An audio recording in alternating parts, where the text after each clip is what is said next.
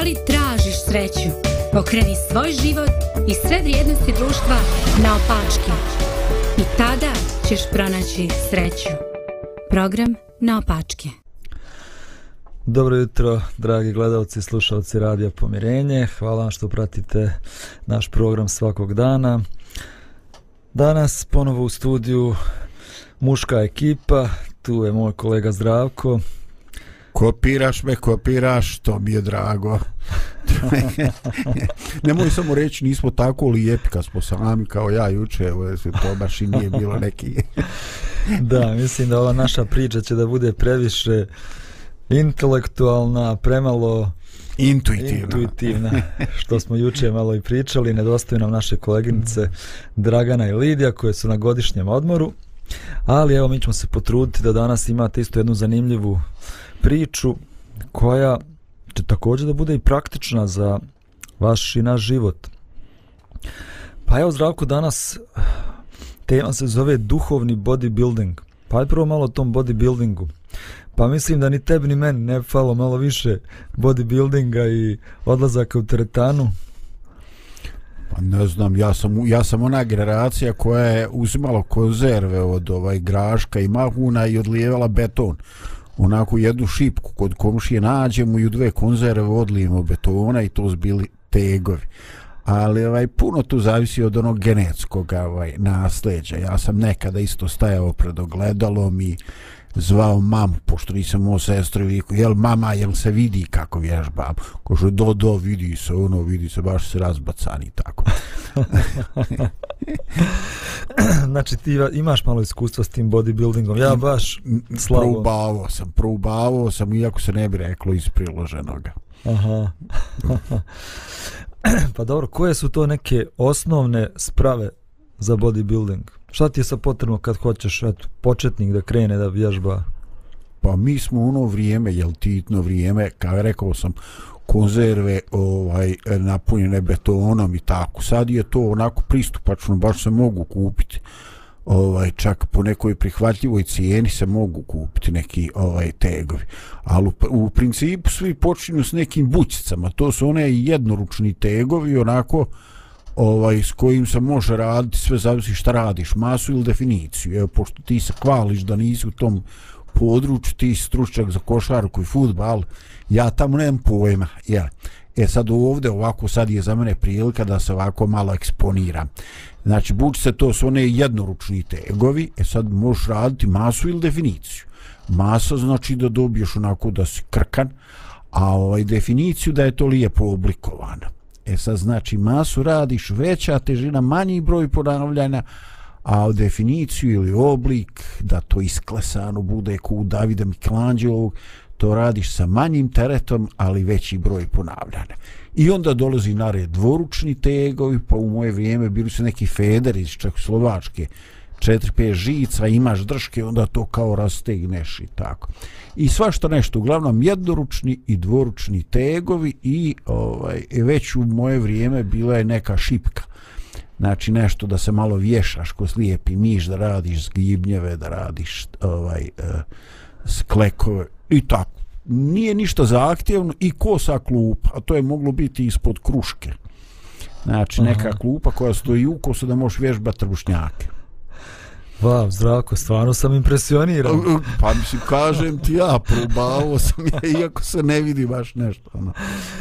stvarno sam impresioniran. Čeče, ja skoro da sam motivisao da, da, da ne budem krkan, nego, nego da ovo da, drugo, ovaj, da, kako se rekao, trebam veću težinu za masu. Ne, ne, ne, ne, ne, nego ovo, da ne budem krkan, nego... Aha, pa ono, kažem, ako hoćeš definiciju postojećega, onda to su malo manji tereti. Ali vidi, to vrijeme tegova je, čini mi se, prošlo. Sad imaš mnoštvo nekih e, vježbi sa sobstvenim tijelom. Imaju pod raznim nazivom neki, ovaj, znači, to su vježbe koje koristiš neki prostirač, koristiš svoju stolicu, koristiš težinu sobstvenog tijela i čini mi se da je ovo za generaciju 40 plus 50 plus da je to možda čak bolje. Jer mladome čovjeku tegovih ako ne zna dobro disati ovaj, mogu naškoditi i, i, i, i, i srcu. Ovaj, znači, pravilo je kad potiskuješ teret, kad dižeš, onda izdišeš. Nemoj obrnuto. Da. Ali ovo sa sobstvenim tijelom, oni, pa ne znam, neka, e, kako se kaže, workout. Znaš da je u mene Tarzan English, ono, ovaj, po Karadžiću. Jer se kaže workout. Da, da, da, workout. E, Ovo je fantastično samo ono da se ne raspeš ispod toga pa da budeš glavna priča u gradu, na ulici, jedno tri mjeseca. Bio je tu čiča i raspo se ispod razletio. pa dobro, dobro, evo jako zanimljivo je mi to sve što si ispričao. Ali evo mi danas govorimo o duhovnom bodybuildingu.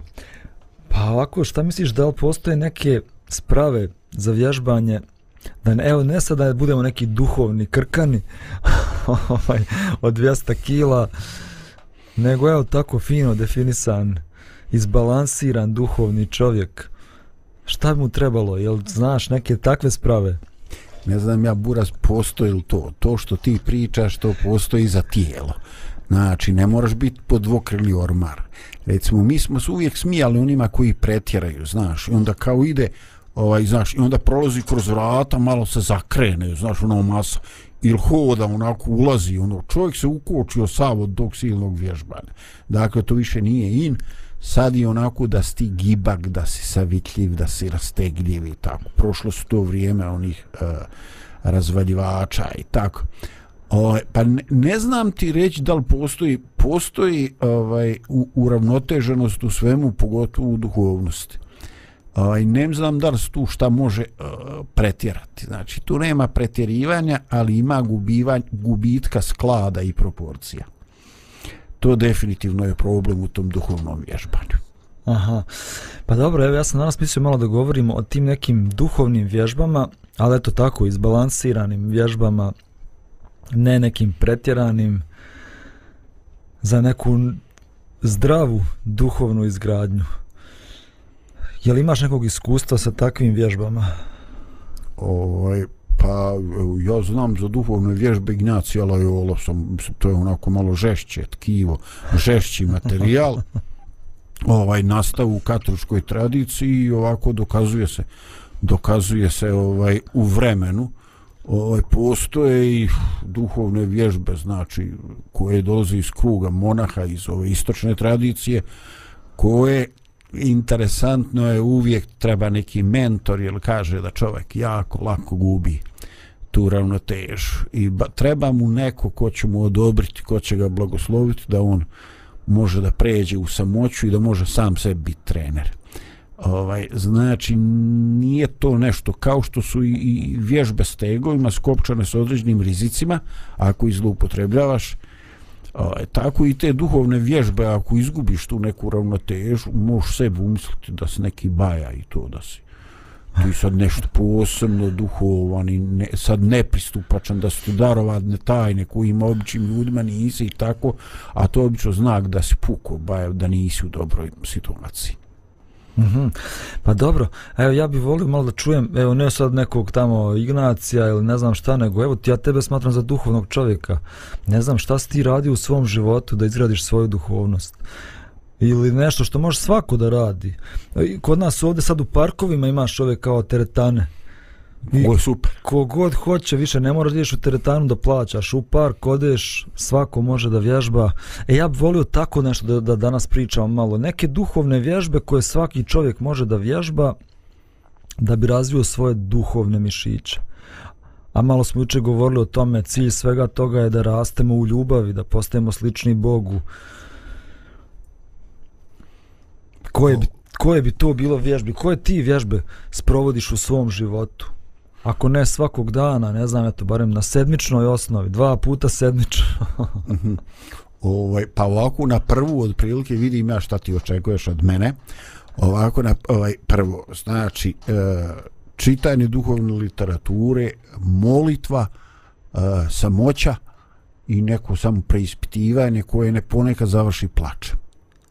Eto, iz četiri dosta. dosta, dosta, okej. Okay. Dobro, Evo, danas ćemo govoriti o jednoj od tih duhovnih vježbi, čitanju duhovne literature ili evo, danas ćemo govoriti konkretno o, o čitanju Biblije ili Svetog pisma. A možda samo na početku da kažemo šta te vježbe predstavljaju? Da li su one cilj same po sebi ili koja je njihova svrha, uloga? Evo, već smo malo pričali o bodybuildingu, ne znam, kakva je svrha tih sprava, bench, tegovi? Pa tamo je svrha da dobiješ na snazi i da dobiješ na masi. E sada, ovaj, e, neki ljudi, ovaj, neki ljudi koji su skoncentrisani na izgled, oni ovaj uzimaju te neke e, dodatna sredstva, neke steroide, neka čuda i odjedan put odnos e, masnog i mišićnog tkiva se mijenja i on onako djeluje izvajano, onako između kože i mišića se vidi samo krvni sudovi. Ovaj, I to onako djeluje ono fascinantno. Ovaj, kažu da takvi ovaj, više fasciniraju ove ruralne seoske djevojke ne gradske ali ovaj čini mi se kad oni izađu iz toga top forme ovaj da oni jako onako što bi rekli seljaci bljohnu ono nestade to u Schwarzeneggera nema ga nigde za razliku vi što skopali ko, korompiri bili u njivi oni su njihova leđa i i ruke su jake i u, i u 60. godinama a ovi bodybuilderi nešto onako o, objese se svi, ni na što ne liče kad prestanu to. To prostane ti efekt. Pa dobro, uglavnom ja sam htio da kažem da kao što ta sprava za vježbanje ili ti tegovi koje si imao, oni sami po sebi nemaju nikakvu vrijednost, to je gomila gvožđa, betona u tvom slučaju, konzerve. Ali ako ga koristiš, on će ti pomoći da ispuniš neki cilj u svom životu, a to je da budeš snažniji, da budeš jači, da bolje izgledaš. E tako i u duhovnom smislu sve te vježbe koje si ti nabrojao, čitanje duhovne literature, molitva, šta si još spomenuo, osama, o, osama, da, preispitivanje ili post, ili to su da. sve neke duhovne vježbe koje mi radimo. Same po sebi nemaju nikakav, nikakvu vrijednost. Ali ako ih koristiš, one ti mogu pomoći u tvom životu, da duhovno napreduješ, da duhovno rasteš. Pa evo o tome ćemo malo da pričamo, kako da koristimo te sprave ili jedno od tih sprava, a prije toga ćemo napraviti jednu muzičku pauzu pa ćemo onda da nastavimo našu priču. Naravno. Naravno.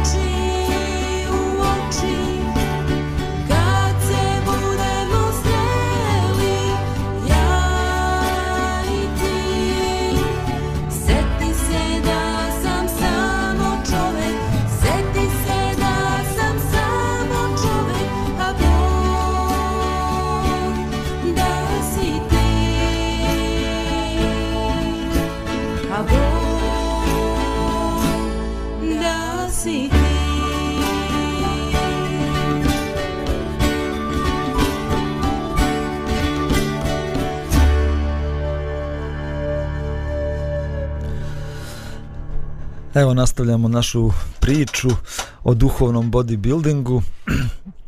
Ja mogu da kažem, kao i ti zdravko, da u mom životu su postojale i duhovne vježbe koje su mi pomogle da se razvijam, ne samo duhovno, nego se razvijam i kao čovjek i da rastem i da postajem zreliji.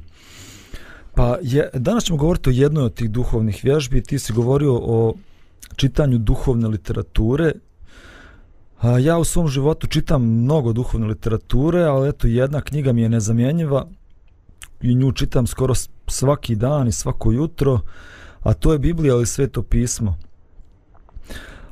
Pa ajde malo da progovorimo o tome kako, kako čitati Bibliju za jednu takvu duhovnu izgradnju ili duhovnu transformaciju ili kako možda čitamo Bibliju a da se to ne dogodi ili da, zlupo, da nekako kao i te tegove zlupotrijebimo ih pa nešto dobijemo na kraju što nismo ni htjeli da dobijemo ne dobijemo nešto izbalansirano ili nus produkt neki, dođe. neki nus produkt dođe da.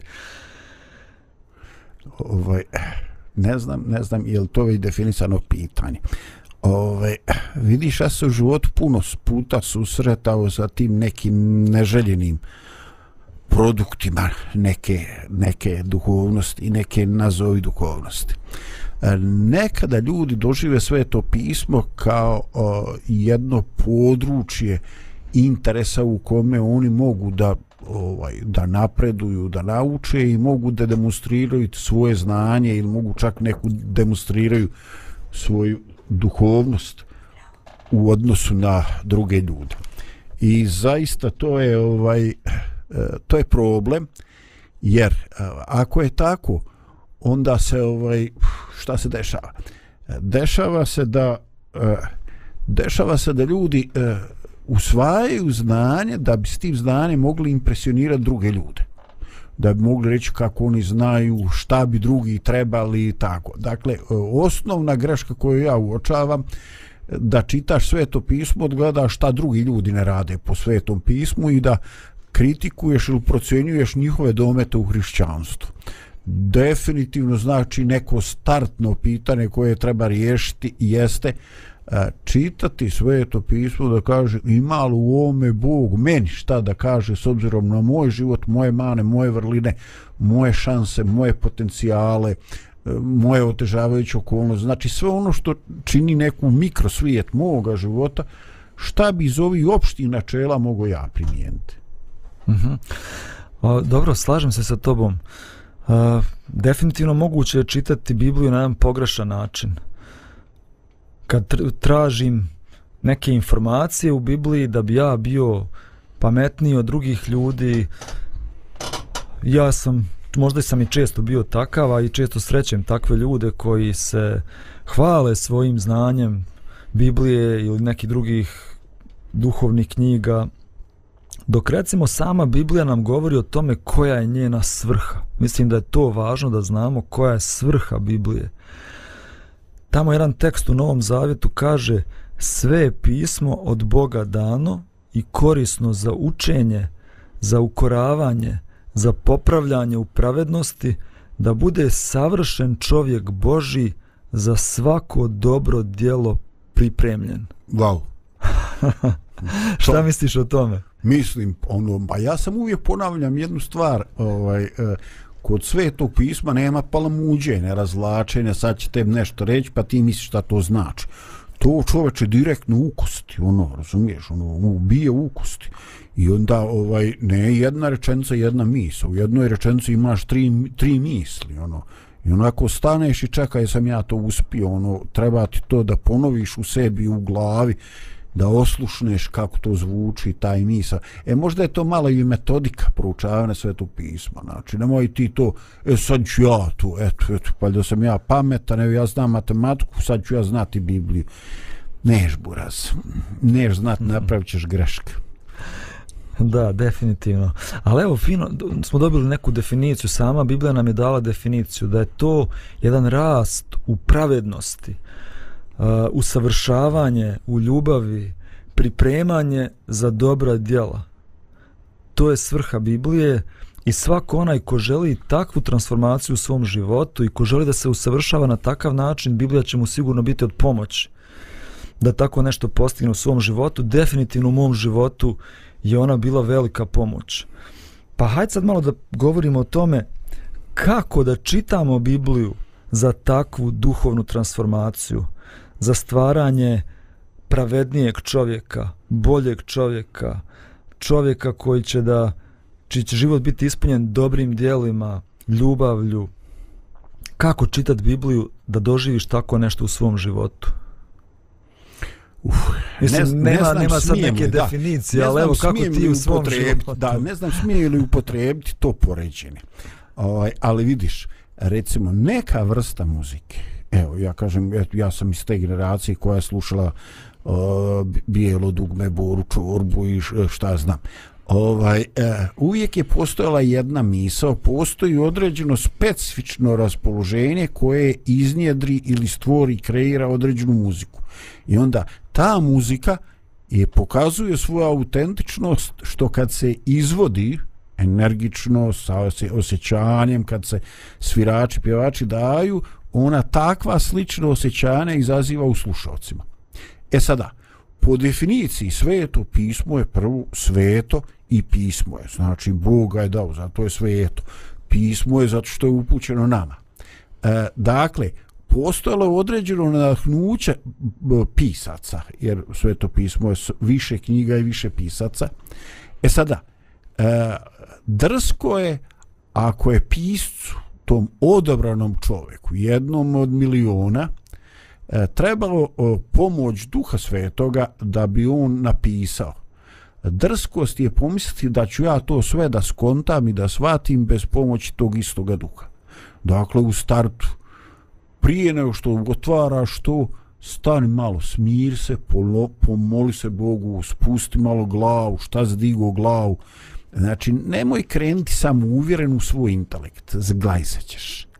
Nego jednostavno traži da taj živi Bog koji je radaknuo proroka e, da malo svjetlosti u ovu moju čelovu glavu, da ja tu nešto shvatim, kad već čitam i blijedim oči, da imam nekoga duhovnog dara, da, da, da nešto prosvijetli duboko u mom srcu i u moje duši. Mm -hmm. Super. Ba, baš to što si rekao, sveto pismo. Pa ja bih također rekao da bi trebalo Bibliju da čitamo kao pismo. Pogotovo kao neko ljubavno pismo koje nam dolazi od Boga, a ne kao neke novine. Sad ne znam, ti si vjerojatno bio u tom u toj generaciji kad su se pisala ljubavna pisma. Danas više niko ne piše pisma, ni ljubavna, ni bilo kakva. Danas samo idu poruke, SMS poruke koje ja ni ne razumijem. Znači, kad meni nešto moj Daniel piše, to su poruke neke šifrovane. Ja nemam pojma šta to on znači. ne možeš to buraz dekodirati. ne možeš to dekodirati. Ali nekad su se pisala ljubavna pisma. I sad zamisli, tebi tvoja draga poslala ljubavno pismo kako bi ti čitao to pismo? Što? Ajde, vraćaš me u neke, neka vremena. Ovaj, pismo, razgovor, razgovor i telefonom i tako. Ovaj, pa ne zna, ne zna buraz, ovako, ovaj, ja bi se sav raznježio, promijenio agregatno stanje i tako. Ovaj, znači, bukvalno ne radi se o analizi rečence, nego šta stoji, šta je htjela reći, šta stoje iza ovih riječi, koje ima li neka skriveno značenje, ima li neka poruka, o, ovaj, ima nešto onako o, što bi o, bilo na ženski način o, umotana neka želja kojoj sam cilj ja i tako. Ma daj, već sad me navodiš u iskušenje, vidiš, svašta se spriča. Baš ekstra, baš ekstra. Ali evo sam da pitam, da li bi ti to pismo strpao u džep i rekao, ajde uspu, kad budem u autobusu, onda ću onoj gužvi da otvorim, malo na brzinu da pročitam. Ili bi vjerovatno... O, da, pa da. Sjeo u neku sobu gdje nema nikoga, pa onda na miru to otvorio pismo. Pa svaki detalj onako na sitna crijevca da to, da to sve vidiš. I ko što si rekao, ne samo informacija koja se tu nalazi, nego šta je, šta je srce moje drage, šta ona stvarno hoće meni da kaže, jel ona mene voli? Jel me se zažela? da, da, da. E pa tako bi trebalo da čitamo i sveto pismo, jer ono jeste ljubavno pismo koje je napisano nama ljudima. Ne na brzinu, ne sjedim u autobusu ili gledam na telefonu, već neko posebno vrijeme. Ja tako imam.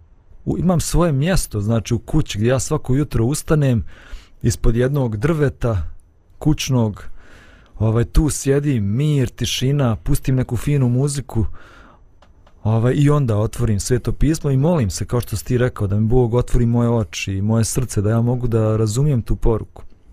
Znači više ga čitamo kao pismo, a ne kao novine, brzinski, zbog neke informacije koja nas, koja nas zanima. Imaš neki tabure za dignut noge, onako da budeš baš udobno ili onako sjediš? Ne, ne volim sad tu nešto tako baš da dižem noge.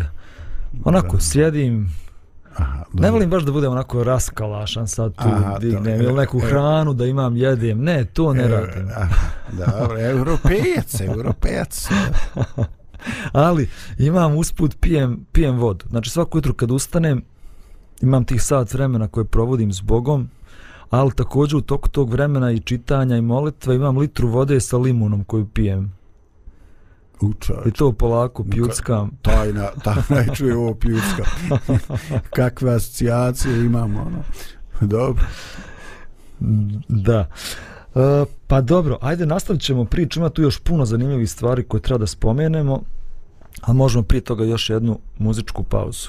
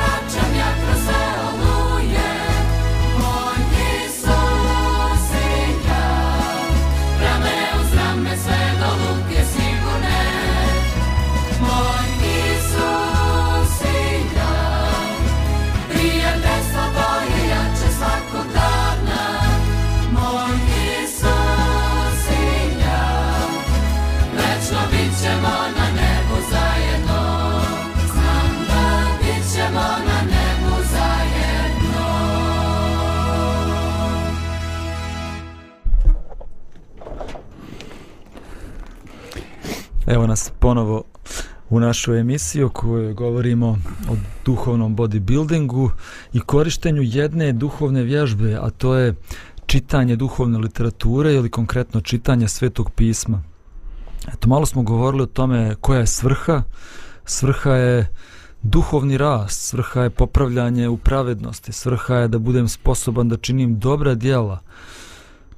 A, govorili smo i kako početi sa čitanjem svetog pisma, da je dobro imati neko posebno mjesto, da je dobro biti u tišini, da je dobro pomoliti se Bogu prije toga. Pa i možda još jedna bitna stvar koju možemo da spomenemo, da možda najbolji način da čitamo Bibliju nije da mi čitamo Bibliju, nego da Biblija čita nas. Ujde Pa ima jedan tekst isto koji kaže u Bibliji da je, da je ona kao jedan mač koji pro, prodire do naših do mozga, do svih dijelova našeg tijela.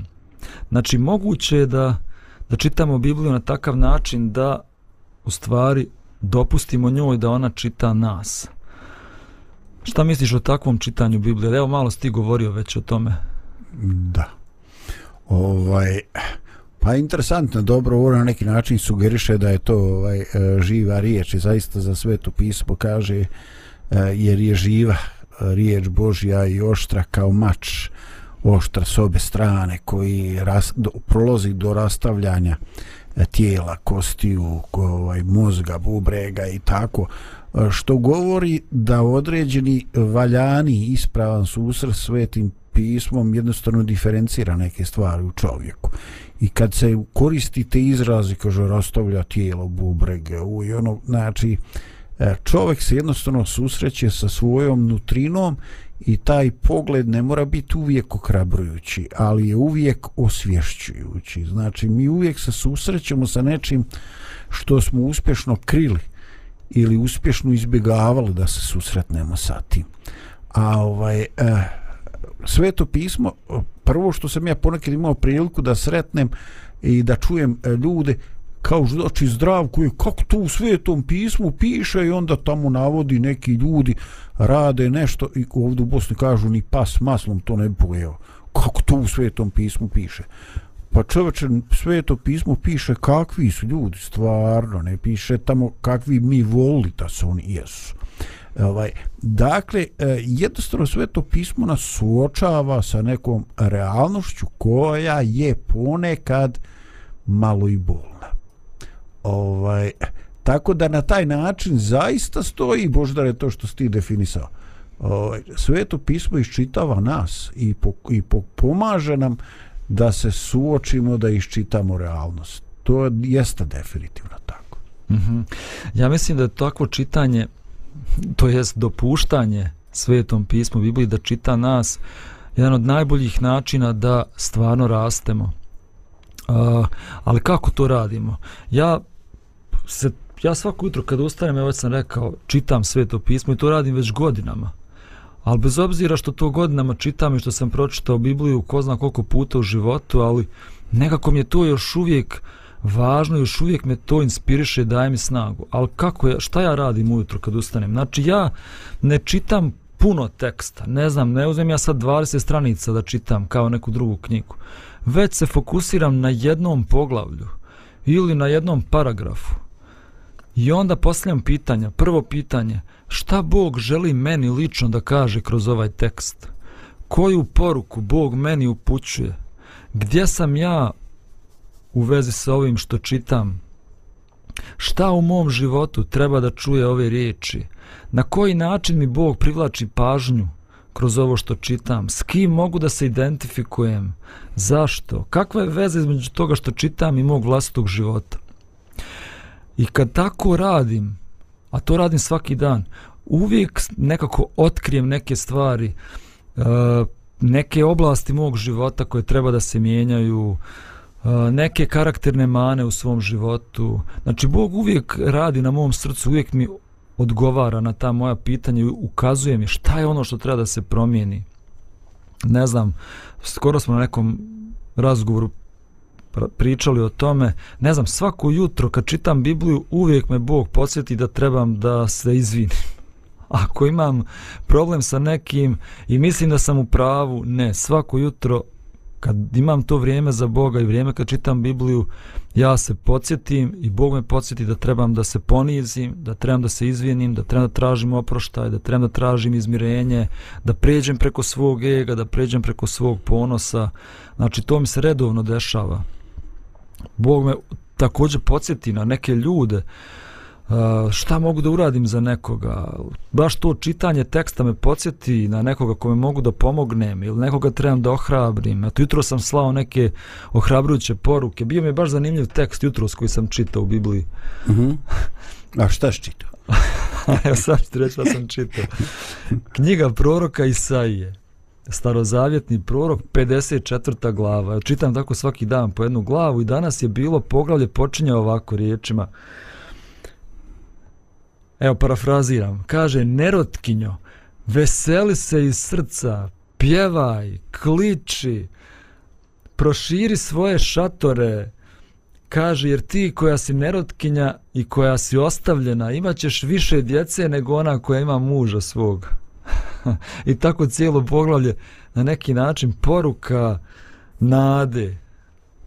Nerotkinja je simbol, ne znam, Božjeg naroda ili čovjeka. Evo ja sam sebe tu pronašao jer zadnjih dana sam baš nekako bio obeshrabren, depresivan. Onda ta poruka meni bila razveseli se, pjevaj. Bog će učiniti da ti budeš i radostan i eto, ne znam, jutro sam to pročitao, poslao sam tu poruku na 3-4 adrese nekim mojim prijateljima i ohrabrio me taj tekst, ali ne bude uvijek ohrabrenje, nekad bude i nešto ozbiljno, nešto što moram stvarno da korigujem u svom životu, neka opomena, ukor. Na što nisi imen poslao? Što nisam vidio da si meni poslao. Možda ja to i nađem naknadno. Da, evo sad se otkrio. Eto, zaboravio da. sam tebe. Evo, evo, eto, evo vidiš, radijski saradnik ne bude u najužem spisku prioriteta. Da, pa dobro, vjerojatno nije mene pove, mogu povezati s pojmom nerotkinje. dobro, aj pra, praštam ti, ali ako se izvineš posle emisije. Ma dobro. mogu i u misiji, izvinjavam se zemo. Ubacit ću te na, na spisak. E, eto, eto, viš, mislim, moraš se znati boriti za sebe. Ono, evo, tamo ima primjer uh, Arvese sa Anđelom, ne rad toga što je baja i što misli da se zna rvati. Nešto kaže neću te pustiti dok me ne blagosloviš. da, da, da. Borba da za blagoslov Boži ljudi, to je to je nešto stravično. Eto, još jednog odgovora na tvoje pitanje na čitanje Biblije. Bori se čovječe za blagoslov. Dobro. Evo, rekli smo kako možemo imati koristi od čitanja Biblije. Ja stvarno u svom životu imam mnogo koristi. Siguran sam da ti imaš i svi oni koji čitaju na ovakav način. A, s druge strane, opet nije lako sve razumjeti u Bibliji. Šta misliš, ne znam kako je tvoje iskustvo kad čitaš, da li, je, da li je tebi sve lako razumjeti, zašto nije lako razumjeti sve što piše u Bibliji? Bez brige to što sugerišeš tako i kod mene. Ali mene to više ne, ne, ne sikira više to što ne mogu razumjeti ovaj, jednostavno čim je to Božja riječ, otkud ušte ideja da bi ja to mogao sve razumiti. Ovaj, I jednom sam davno slušao jednog starog sveštenika, više ne znam ko je to bio. I kaže, djeco moja vas sikira što ne možete razumiti.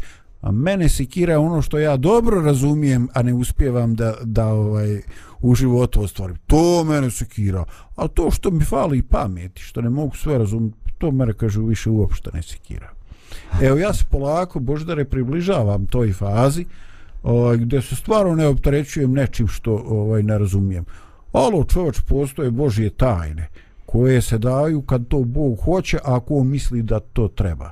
Dok god on to ne odluči, to će biti tajna. Ti sam možeš umišljati kako ti to nešto razumiješ i možeš ubjeđivati ljude. Ali to je Božje davanje. Kad ti bude dato, onda ćeš razumiti sve u svoje vrijeme. slažem se, slažem se da, da ima i toga. Ali također postoje neke prepreke u razumijevanju Biblije. A te prepreke najviše postoje zbog toga što mi čitamo Bibliju u 21. vijeku, a ona nije pisana nama ljudima u 21. vijeku, nego je pisana prije 2000 godina, nekada i možda i više od 2000 godina. I sam taj vremenski jaz nam predstavlja prepreku. Šta misliš kako postoji razlika u kulturi, naravno, kultura tog vremena i kultura današnjeg vremena je nešto što ne može se uporedi uopšte. Kako premostiti taj jaz? čoveč, pa zavisi u kakvoj je poziciji, poziciji čovjek. Evo, recimo, teolog je pozvan da ovaj eh, da slijedi ono jedno od načela nema teksta bez konteksta. Znači, ovaj to što je rečeno, kad je rečeno, kome je rečeno, u kakvoj situaciji je, je rečeno. Ovaj, dakle, mi kad gledamo istoriju crkve, pa imamo te kanone, Pa ljudi moji, gotovo svi kanoni su donešeni kao zaključci nekih sabora, nekih crkvenih sastanaka, e, stariješina, vladika, biskupa, kako god već istočna zapadna crkva. I s obzirom na neki pritisak, na neku situaciju, na neki realni izazov koji u to vrijeme ovaj postojao. I sad ti kad čitaš zaključak, a ne znaš koji su oni probleme imali u to vrijeme, ovaj, ti ovaj, i primjenjuješ to u, u sadašnje vrijeme, ti ličiš na onu čija je kraljica bila, engleska, francuska, ovaj, kaj, pošto ljudi hodaju što galame ispred dvora, kaže, nemaju leba da jedu, soš, podajte im kolača, znači, ona ne razumije, znači, mala princeza misli, ako je slučajno nestalo hljeba, ima kolača kod kuvarice. Dakle, e, nerazumijevanje konteksta je, pitao sam koja što je ogroman problem. Ali, ovaj, teolog je pozvan da razmišlja o tome, ali sad je postavljam pitanje obični ljudi koji imaju svoje zanimanja, koji se bave, koji mora odnijeti brusilcu na viklovanje, otišao mu rotor, E, koji se bavi ovim i onim, treba promijeniti gume na dostavnom kombiju i, i tako. Nema i oni mogućnosti vremena sada istorijski kontekst proroka Jezekijela. A ovaj, ali opet kažem e, sigurno postojaće korist iz nekih e, ako pokušavaju to vidjeti neke opšte, opšte principe ali nije jednostavno definitivno da, nije jednostavno ali mislim da svaki čovjek bez obzira da li on bio automehaničar, limar uh, treba da se postavlja takva pitanja i u stvari prvo da zna da sveto pismo nije pisano njemu koji živi u 21. vijeku nego je pisano ljudima u prvom vijeku ili u petom vijeku prije, prije Hrista. Uh, I da mnogi, mnogi, da dosta tih tekstova shvati da su pisani u tom vremenu.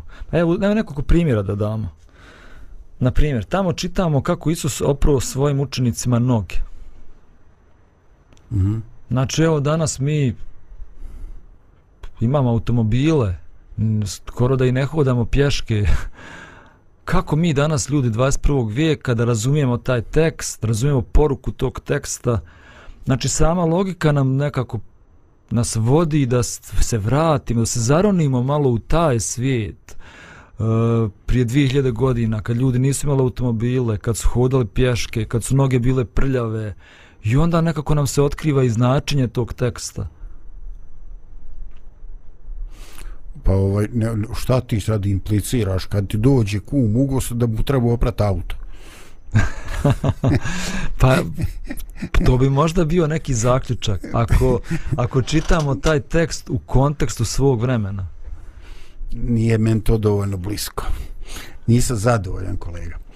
Ne, ovaj, eh, da, pa ok, tamo je definitivno postojala prašnjava Palestina i ovaj, kogod oda ljeti u papučama, uznaje se noge, i onda vidi šta znači ovaj oprati noge ovaj. Evo ja ovih oveg ljeta se ubio košenjem dvorišta. E posle trimera prijatelju onda shvati šta znači oprat noge i treba i trenericu prati odma a o čarapama da ne govorimo ne da žena da idu u veš mašinu koliko sto fino ovaj uprlja. Da o, postoji postoji taj kontekst iako nisam siguran koji je pravi odgovor ovaj znači moramo biti svjesni da ne bismo donijeli neke neke zaključke. Ali ja opet nekako mislim da postoje neke poruke koje su univerzalno ovaj e, univerzalno prihvatljive. Recimo ako čovjek se pomiri s tim da ne treba e, sve stvari bukvalno bukvalno ovaj e, preslikati. Jer mi kad čitamo u posljednjoj večeri ovaj postoji ona slika. Ovaj, Isus s storicom sjedi za stolom, ali teologi će nam reći da ušte nisu sjedli za stolom. Da su oni bili u polu ležećem stavu. Za ne, da je to bilo jednostavno nešto slično. U nekad je ovdje bila sopra onaj niski sto visok jedno 20 i neki centimetar. Oni su znači u polu ležećem stavu bili dok su, dok su objedovali dok su ručali. Ovaj, dakle postoji ta potreba a nisam siguran nisam siguran bez neke pomoći kako se čovjek koji se bavi sasvim drugim poslom kako se može snaći svemu tome? Pa jeste ja, ja smatram da ona osnovna poruka Biblije je razumljiva i malom djetetu.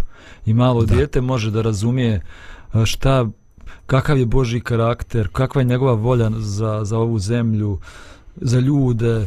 Naravno da je to razumljivo ali postoje uh, postoje dijelovi, postoje stihovi u Bibliji, tekstovi u Bibliji koji nam neće biti razumljivi ako, ako ne zaronimo malo u taj svijet.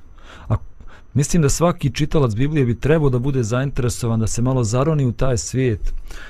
Svijet uh, rimskog carstva ili čak i, i prije toga da bi mogao na bolji način da razumije. Evo ti, ja skoro sam imao priliku razgovaram s jednim čovjekom koji je odskora počeo da čita Bibliju, koji je promijenio svoj život, vidiš na njemu tu promjenu.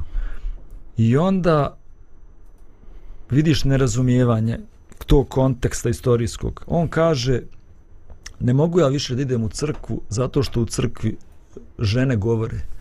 A ima tekst u Bibliji u Novom Zavjetu koji kaže žena da čuti u crkvi. Da, Efesicima to vješ. I sad ti ako pročitaš taj tekst bez uzimanja istorijskog konteksta, ti možda stvarno kažeš, evo sveto pismo kaže žena treba da čuti u crkvi. Pa to rad svoje žene, mislio ono, nado se kad krene, makar će u crkvi mora čutati, kod će ne mogu doći do riječi.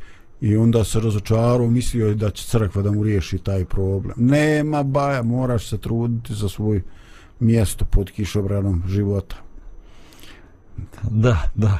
Ali opet, ako razumiješ kontekst tog vremena, ako razumiješ da je to bilo patrijarhalno društvo, ako razumiješ da žena nikada u javnosti nije govorila, da, da žena nikad na ulici nije smjela da govori javno, da govori sa drugim muškarcem, osim sa svojim mužem, onda možda shvatiš i ovaj princip o kome govori apostol Pavle, da bi crkva trebala da poštuje te društvene norme i društvene standarde.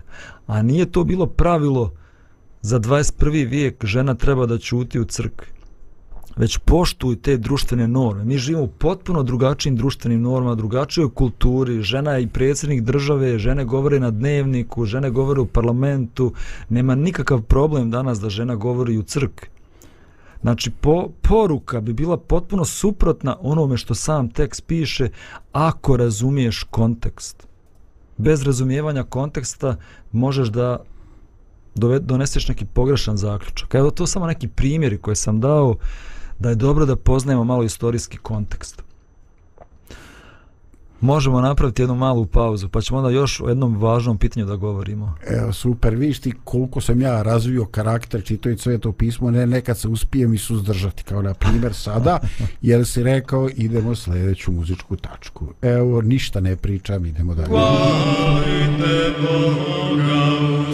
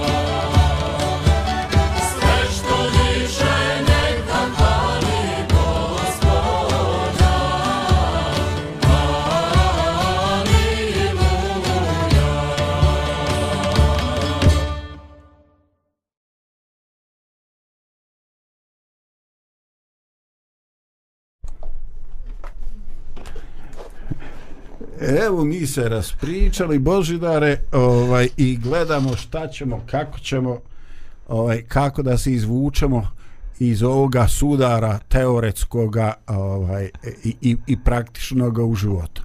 Kako pomoći ljudima i na kraju šta ti reče tom prijatelju koji, koji očekuje da žena ovaj, ne priča? Jesi ti to njemu uspio objasniti i kakav izraz lica on napravio kad si ti to njemu objašnjavao? Je li bio razočaran? Da, nisam mogao nikako da mu objasnim. Ovaj, nije mogao da promijeni svoj stav uopšte. Ali eto, ja sam mu pokušao reći barem da to nisu suštinski važna pitanja. I da to nisu pitanja koja bi trebalo da nas podijele. Sad ti, to, ti gledaš ovaj tekst na takav način, ja gledam na ovakav način i pošto ne gledamo ga na isti način, mi ne možemo više ni da budemo zajedno, niti da se molimo Bogu zajedno, Mislim da to totalno pogrešno. Brate, pa jesi ti shvati u čemu je tu problem? Pa ti si pravo mlad čovjek. Pa nema on sukob s tobom nego on jadni kuć ne može doći do riječ i sad našao u svetom pismu da žena mora čutat makar u crkvi. I on kaže slava tebi gospode evo sad ću da je zakucam svetim pismo i sad ti došao i ti sad ispada ti na njenoj strani. Pa nije to da on tebe ne postuje kao teologa. Čač, kako neće magistar teologije poštovati? Nego on je imao taman se jadničak po nadu da će on malo biti muš koji baja i alfa biti I, volio i, i ti ga, eto. volio bih da je tako. Da. samo on živi sam nema djevojku. Pa što, što eto. koga on da hoće da učutka e bože svašta u bože baš ali dobro evo nema puno vremena do kraja ove emisije. Želio sam još nešto da, da prokomentarišemo A, mnogi ljudi se šokiraju kad počnu da čitaju Bibliju, pogotovo kad počnu stari zavjet da čitaju i tamo naiđu na ratove, naiđu na poligamiju, naiđu na robovlasnički sistem.